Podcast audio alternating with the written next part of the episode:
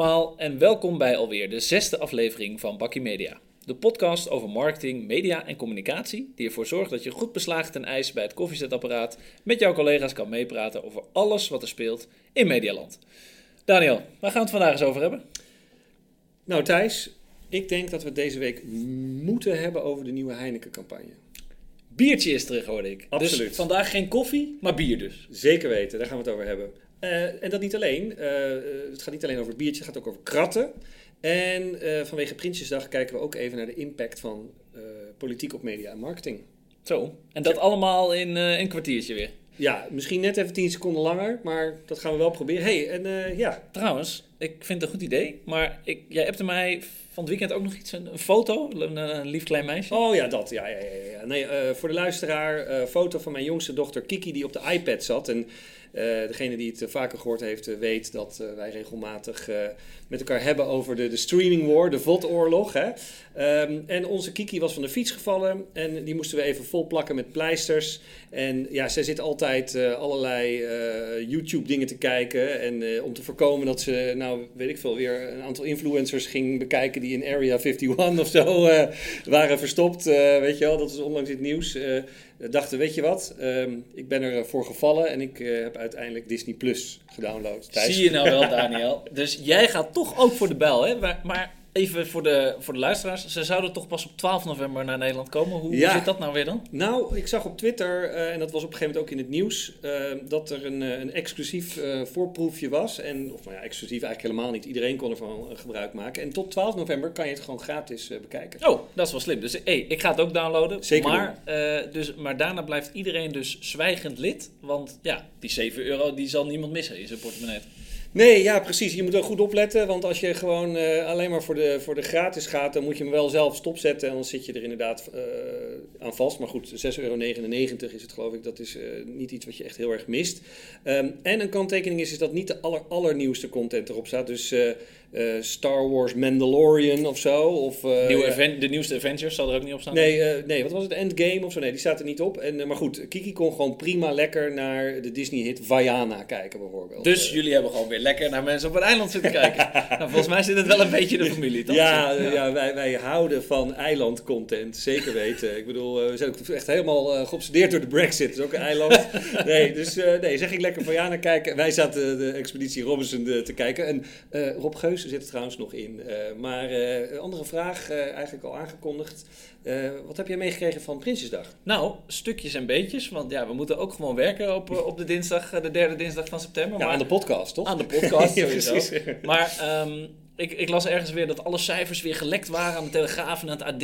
En eh, ik heb wel naar eh, BNR geluisterd. En ik heb ook veel gelezen. Er was zelfs een live blog dat ik, dat ik volgde. Stukjes voor stuk eh, kwam dan de, de koning met zijn, met zijn verhaal. En met zijn baard, ja. Ja, met zijn hipsterbaard. Ja, met de koning met de baard en de koningin met de decolleté. Ja. Ja, ja dat lekken, hè, dat is toch ook wat. Dat is eigenlijk geen lekken meer. Het is gewoon onderdeel van het, van het ritueel geworden, weet je wel. Dat hoort er eigenlijk Net als een miljoenennota, lekt ook altijd. Het lekt allemaal, dus het, dat hoort er gewoon bij. Hey, maar ehm, bij Bakkie Media proberen we toch altijd een beetje over media marketing te hebben. Dus om eventjes de connectie te proberen te maken. ehm, is dit eh, eh, politieke moment van het jaar ook nog relevant hè, in deze context, media marketing? Nou, absoluut. Kijk, alle ogen van marketing eh, Nederland en media Nederland waren natuurlijk gericht op Den Haag. Hè, vanwege de komst van de nieuwe mediawet. Ja, is dat nu duidelijk? Nou ja, het is steeds niet helemaal duidelijk, maar er is wel een ingreep die in de NPO plaats gaat vinden. Hè. Vooral de plannen om online advertenties uit te zetten eh, bij alle NPO-sterprogramma's. En het plan om dus overdag volledig reclamevrij eh, te worden, hebben wel wat eh, impact Hey, en gehad. is het dan zo dat die online advertenties ook overdag uitgaan of altijd al uitgaan? Nou ja, voor zover ik heb gelezen gaat het dus de hele dag uit. Ja. Ehm, alleen er zijn natuurlijk nu nog discussies wanneer, of dat 2021, 2022 wordt. En, en veel partijen in de industrie zijn geschokt. En overal komen discussies los. En uiteraard is er weer een rapport gelekt. Ja, ja, ja, ja. het rapport, wat was het, van Boston Consultancy Group. En die hadden inderdaad geconcludeerd dat er heel veel op marketing eh, bespaard kon worden. Ja, precies. Ehm, ja, ja dus, dus waar ze een beetje bang voor zijn, eh, wat je een beetje hoort, is dat het geld wat dan niet meer eh, besteed kan worden aan de ster, dat dat nu weglekt naar de grote reuzen. Dat is natuurlijk een beetje wat ze nu als argument naar voren sturen. Dus dat Facebook, Google en Amazon, die krijgen al het geld. En ehm, vind jij dat die angst terecht? Nou ja, deels. Kijk, op korte termijn eh, verdwijnen natuurlijk in die zin kwalitatieve advertentiemogelijkheden. Maar of dat geld dan één op één doorgaat naar YouTube, Google en Facebook. vraag ik me af. Hè. We, we zien wel een shift, maar ik denk zeker op de, de langere termijn dat vooral RTL en Talpa hiervan gaan profiteren. Dus heeft een gezeur over eh, oneerlijke concurrentie tot Ja. zin gehad. En ehm, kijk, aan de andere kant, Nederlandstalige kwalitatieve content en de commercie daaromheen is toch wel anders dan social content hè, op Facebook of op, eh, of op YouTube. Ja, daar zat ik ook over na te denken, want social content kan natuurlijk ook Nederlands zijn. Ja, ja, precies. Maar, maar wat wel gebeurt, is dat op het moment dat dat geld dus terechtkomt bij de Talpa's en de RTL's, eh, dan kunnen ze wel weer kwalitatievere content gaan programmeren, waardoor we weer meer kijkers gaan trekken, waardoor Ja. mensen misschien toch weer meer lineair televisie gaan kijken. En wellicht komt dan dat dan weer ten goede van de Nederlandse kijker. Dus Dus bij wijze van spreken kunnen ze dan eh Boer zoekt vrouw of Wie is de Mol, kunnen zij eh, betalen. Nou ja, precies. Ja, dan kunnen ze nog, en dan kan die programmering weer worden uitgezonden voor de Nederlandse kijker. Dus wat dat betreft wint de kijker misschien toch weer wat. Maar ja, de, de tijd zal het een beetje leren. Maar ja, weet je wat ik dan een beetje gek vind? Is, eh, zoals wij het erover hebben, gaat het over zeg maar level playing field. Hè? Dus dat, dat de overheid min of meer eh, ondernemerschap stimuleert hè? en dat niet subsidieert. Dus dat Talpa en RTL ook Ja, de gelijke kansen voor iedereen. Maar in de argumentatie van Slop en de Zijne lees je vooral dat het, het te maken heeft met de veiligheid voor kinderen en privacy. Dus dat, dat vind ik ook, dat kan ik moeilijk, eh, moeilijk plaatsen dan. Nou ja, kijk, dat maakt de discussie ook een beetje lastig. Vorige week hadden we het daar natuurlijk al over dat, dat YouTube die claim kreeg van 155 miljoen eh, omdat ze kinderen aan het volgen waren. En kijk, ik betwijfel of het hier dus gaat om het creëren van gelijke kansen, dus economische redenen, of gaat het nou om de veiligheid van de kindjes en lekker allemaal eh, eh, maatschappelijk verantwoord bezig zijn. Nou, het lijkt een beetje het laatste te zijn, maar aan de andere kant voelt het of ze eh, het eigenlijk maskeren dat het gewoon over geld gaat. Ja, dus typisch gevalletje politiek. Ja, precies. De, de, de politieke mistmachine die is, die is hier een beetje aangezet. En, maar als we dit onderwerp wat breder trekken. Hè, ik, tussen mensen is politiek vaak een gevoelig onderwerp. Weet je, dan zit je in een dineetje en dan gaat het ineens over Thierry Baudet of het gaat over Jesse Klaver. En dan ineens eh, eh, krijg je ruzie of dan wordt het toch een beetje gevoelig. En op Twitter zie je dat ook gebeuren. En rechts en links en iedereen slaat elkaar de hersens in. En hoe zit dat eh, in jouw ogen met merken en marketeers? Hè?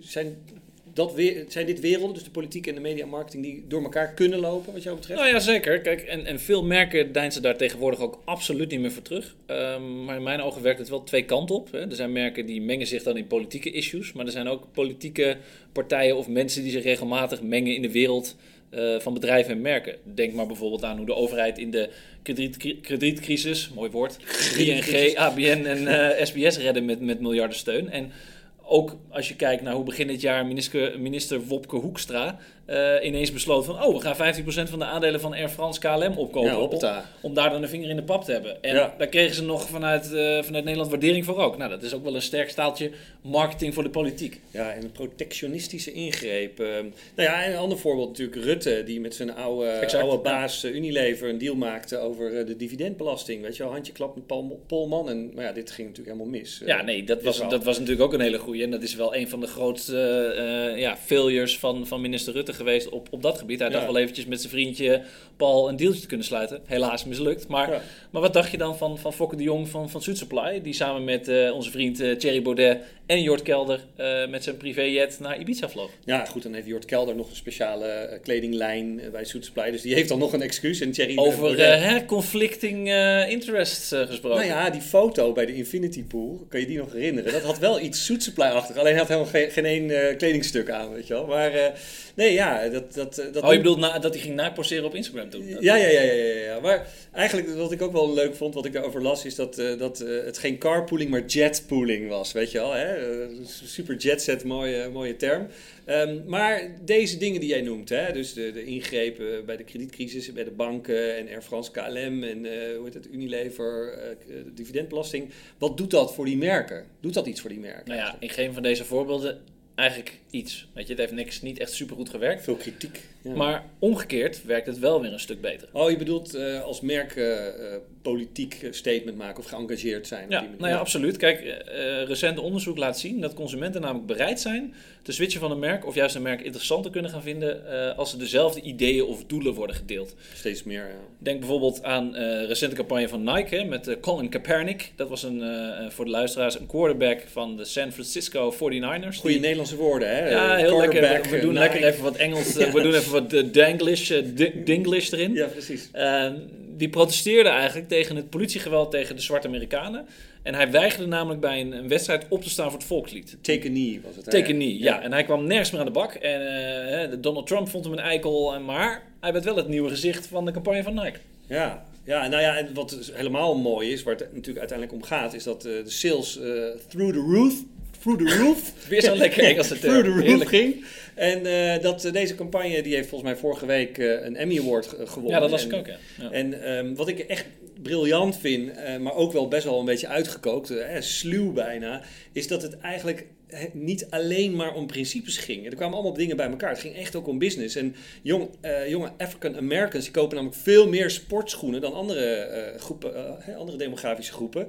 En een ander punt is, is dat eh 80% van Nike's groei moet komen uit de steden zoals New York en LA, weet je wel. En ehm, de mensen daar stemmen over het algemeen veel minder of bijna niet op Trump. zeker in, in bepaalde wijken niet. En voor Nike is het helemaal niet zo belangrijk om oudere of conservatieve Trump-supporters te targeten. Dus ja, ze kunnen, ze kunnen het zich veroorloven om op deze manier eh, controversieel te Nee, zijn. inderdaad. En En ze verdienen er geld mee. en, het, en het is succesvol geweest. En, en een ander mooi voorbeeld in die context is... eh, er zijn ook merken in Amerika die dus weer een statement maken tegen eh, president Donald Trump. Denk bijvoorbeeld aan Diesel, maar ook recentelijk aan eh, Airbnb en jouw persoonlijke favoriete ijsmerk, Ben Jerry's. I love my Ben Jerry's. Nou ja, dat was volgens mij ook een beetje de travel ban, weet je wel. Dat Ja. er bepaalde Ja. mensen uit bepaalde landen mochten Amerika niet in. En ik weet ook nog, op, op een gegeven moment Apple heeft ook geageerd. Want die zeiden van ja, Apple had helemaal niet bestaan met een travel ban, weet je wel. Want Steve Jobs heeft Syrische, Syrische voorouders of Syrische ouders. Eh, dus ehm, ja, dat zijn al mooie voorbeelden. Hey, en ehm, dat is dan Trump en de Brexit natuurlijk. Eh, Ja, zijn nou ja, ook, als, voor- of die ooit nog gaat komen is natuurlijk de grote vraag. maar recentelijk sprak bijvoorbeeld Ryanair zich daartegen uit. En er zijn meer voorbeelden van merken die zich uitspreken tegen bepaalde situaties. Dus de Brexit is er één. Maar je hebt ook merken die zich bijvoorbeeld uitgesproken hebben tegen de klimaatverandering. Zoals we in een van onze eerste podcasts KLM hadden met Fly Responsibly. Vlie- inderdaad. Of eh, Always met hun Like a Girl campagne. Dus Ja. die spreken zich ook wel heel erg uit tegen bepaalde situaties. Ja, ja. Hey, en wat ik jou heel veel hoor zeggen, en dat is natuurlijk ook wat heel veel eh, partijen doen, is dat echt het zich uitspreken. Maar zijn er dan ook partijen die ook daadwerkelijk iets doen? Iets, Ja, nou ja, goed. Deze week kwam eh, Procter Gamble in het nieuws. Hè, dat ze daadwerkelijk een soort purpose marketing eh, 3.0. We hadden daar een mooie discussie over op LinkedIn ook met elkaar. Maar eh, daarbij moet nog blijken wat dan de uit, daadwerkelijke uitvoering gaat zijn. Maar merken als Dell of, of Adidas hebben bijvoorbeeld producten gelanceerd die weer gemaakt zijn van plastic dat uit de oceaan is ja, gevist. dus daadwerkelijk de Dell computer, de plastic die dan zeg maar om die computer heen zit, was, kwam eh, voort uit eh, plastic wat ze uit de oceaan hadden. Exact. gevist. Ja, en dan in het recente verleden heeft G-Star dat natuurlijk ook gedaan met de Raw for the Oceans campagne in samenwerking weer met Pharrell Williams. Dus zijn steeds meer merken die dus toch ook wel actie gaan ondernemen. Ja, oké, oké. Nou, eigenlijk de conclusie die we, de tussenconclusie die we hier kunnen eh, trekken, is dat op het moment dat politiek zich met merken bemoeit, dan levert het eigenlijk alleen maar eh, veel eh, onrust en krantenkoppen op. Maar als een merk vervolgens besluit zelf politiek te gaan worden, dan wordt het fantastisch en dan levert het Emmy Awards en geld op. Ja, nou ja, zo zou je het dan inderdaad kunnen zeggen. Hey, en in het kader van, we draaien de rol eens om, om een bruggetje te maken tussen politiek en de Oh. Heineken-campagne in het begin. Hè, doe ik ook eens een mooi, bruggetje. mooi. Eh, er was deze week een eh, best wel interessant artikel te vinden in de Adformatie eh, online. En het schijnt namelijk dat als er een recessie nadert, en ondanks dat op Prinsjesdag winstwaarschuwing wordt gezegd en economische groei, Ja. zijn de merken al een beetje aan het eh, Voorsorteren, joh. voorsorteren Ja, ja. Op, op een recessie. En zie je merken als KPN en Hema en Albert Heijn en, en Heineken eigenlijk teruggaan naar eenvoud en realisme. Ja, precies. Die, eh, die houden het dan, eh, weet je, op het moment dat het onweer dreigt, dan ga je niet te ver van huis. En dan hou je het Ja. heel, eh, heel Hollands. En ik geloof dat de, de vorige campagne van Heineken, de- als ik daar dat probeer terug te halen, dat was een beetje een soort internationale global periode. En dan had je een, een filmpje dat Heineken stond op de wereldtentoonstelling. En dan had je Thomas Edison en zo. En dat soort mensen die waren allemaal met allemaal hoogdravende plannen. Maar nee, Heineken, die was inderdaad met gewoon een normaal biertje, wonnen ze uiteindelijk de prijs. Dat was geloof ik Ja, dus beetje- terug naar Hollandse nuchterheid. Biertje. Biertje, ja. Hey, en ehm, in de adformatie noemden ze het eh kratvertising, hoor, of eh, cratevertising. Ehm nou ja, en even voor de luisteraar. Hè, ik, ik- zeker, eh, ik denk dat je hem al gezien hebt, maar sowieso de moeite waard om, ja, via onze show notes kun je denk ik de, de commercial ook nog wel even terugzien. En dan in deze commercial laat Heineken zien hoe inventief de Nederlander eigenlijk is met, met de kratjes. Hè. Ze willen de, de- het kratje in het middenpunt uh, zetten. En er zijn kennelijk, ik geloof, 4,6 miljoen kratten in omloop, als ik het goed heb. Uh, en de Nederlanders die gebruiken hem dan, dat zie je dan ook als bijzettafel. Of dan gaan ze erop staan om iemand een zoen te geven. Of ze repareren een auto door op het krat te zetten. En wat ik mijn persoonlijke favoriet, ter land, ter zee in de, in de lucht, zag je nog even langskomen. En um, we hebben natuurlijk wel vaker dit, dit beetje dat sentimentele Hollandse gevoel gezien. Ik moet denken aan bijvoorbeeld de Pijnenburg-campagne. weet je, dat Hollandse, of natuurlijk, um, wat was ook met pindakaas. Weet je, ook dat gevoel, wie er niet groot mee geworden. Of Douwe Egberts, hè, bekend van die mooie tune. Um, maar de, deze manier hoe ze dit hebben gedaan is wel tof gedaan, toch Thijs? Ja, ja, en het belangrijkste, Daniel, biertje is gewoon weer terug. Ja, maar Thijs, jongen, dit, dit is toch zo'n ontzettende supermooie uh, uitspraak, dat biertje. Ik bedoel, toch geniaal dat je uh, met zo'n kreet, weet je, zo'n hele biercategorie kan claimen. En uh, ja, dat, dat hadden ze nooit weg moeten doen wat mij betreft, toch? Ik bedoel, dat is toch briljant. En ook omdat het uitspreken, als ik tegen jou zeg biertje, er zit veel meer in dan alleen maar een drankje drinken. Weet je, het is gezelligheid en er zit uh, kameraadschap in, uh, verbinding. Uh, ja, weet je. En het is gewoon een verrijking voor de taal. Weet je, het ja. is gewoon een soort uitspraak geworden. En, en ze noemen het ook wel, tenminste, ik ben het er wel mee eens, de, de, de, Just Do It onder de Nederlandse slogans. Dus ik vind het goed dat Heineken dit terug heeft gehaald. Ik ben het helemaal mee eens dat dit een ja. goed idee is. Ja, het is een top idee. En um, ja, je noemde net al een beetje Dunglish. Hè? taal is natuurlijk belangrijk, want ze hebben gekozen om dichter bij huis te zoeken. En tegelijkertijd houden ze wel een beetje het globale gevoel. Doordat uh, de commercial is in het Engels. Uh, en dan heb je dat typische Nederlandse, dat, dat, dat met je stenen kolen Nederlandse, ik weet niet of dat het goed woord is, maar dat Denglish, dat hebben ze wel gebruikt hier, heel bewust. Nou ja, en gek genoeg werkt het ook. Hè? We hebben natuurlijk vorig jaar of zo, was die campagne van Arjen Lubach met Make Holland Great Again en ja. America First en Holland Second. Het werkt ook. Weet je, dat, dat typische accentje, we build a great country. Yes, yes, yes. En ze hadden nog een soort goede activatie daar ook hangen. Dat volgens mij bij het Rijksmuseum was al die kratten opgestapeld naar biertje. Ja. Great advertising inderdaad. Ja, ja, ja, ik, ik, ik vind het wel wat hebben. Nou ja, ik bedoel, je weet uh, denk ik inmiddels wel een, een beetje dat uh, het een van mijn guilty pleasures, die van jou was geloof ik uh, gamen, ergens op Twitch. Zeker. En voor mij, mijn guilty pleasures, voor mensen die me kennen, zijn toch de woordgrapjes. Ja, en Heineken is natuurlijk kampioen flauwe en leuke woordgrapjes. Hè. Ik bedoel, het artikel las ik dat het krat de ster van de campagne moest worden. Weet je wel, de Heineken-ster van de campagne. Um, maar ze wilden ook dus inderdaad, hè, het krat moest meer dan een krat worden. Dus hebben ze er een kratlot van gemaakt. Weet je wel, elk krat is een lot. Bam, bam, bam. ja, precies. En uh, als je dat dan inlevert of scant of weet ik veel, dat stond er niet precies, maar dan kan je kaartjes winnen voor de Grand Prix van Zandvoort binnenkort of uh, optredens en zo uh, ook. En is dit dan ook iets in de zin van duurzaamheid of, of, of greenwashing? Hè? Dat, de kratten, dat mensen ook de kratten weer sneller gaan inleveren op deze manier, want dat ze niet gaan blijven staan op het balkon? Nou ja, dat, dat kon ik ook niet echt uithalen of dat, dat, dat het was. Want ik bedoel, dat is natuurlijk eigenlijk wel weer grappig. Ja, aan de ene kant laten ze Heineken zien hoe inventief Nederlanders met krat is. Aan de andere kant zeggen ze dan, lever hem snel bij ons in. Want uh, hè? we willen hem weer terug. Anyway, Daniel, uh, we zijn deze keer zelfs over de 15 minuten heen gegaan. Maar oh, de tijd vliegt seconden. als het leuk is. Ja, nou niet 10 seconden. Okay. Um, maar, dames en heren, het zit er alweer op. Dit was uh, ons Bakkie Media alweer voor vandaag. Wij hebben onze koffie alweer op. Hé, hey, en Thijs, biertje? Nou, lekker.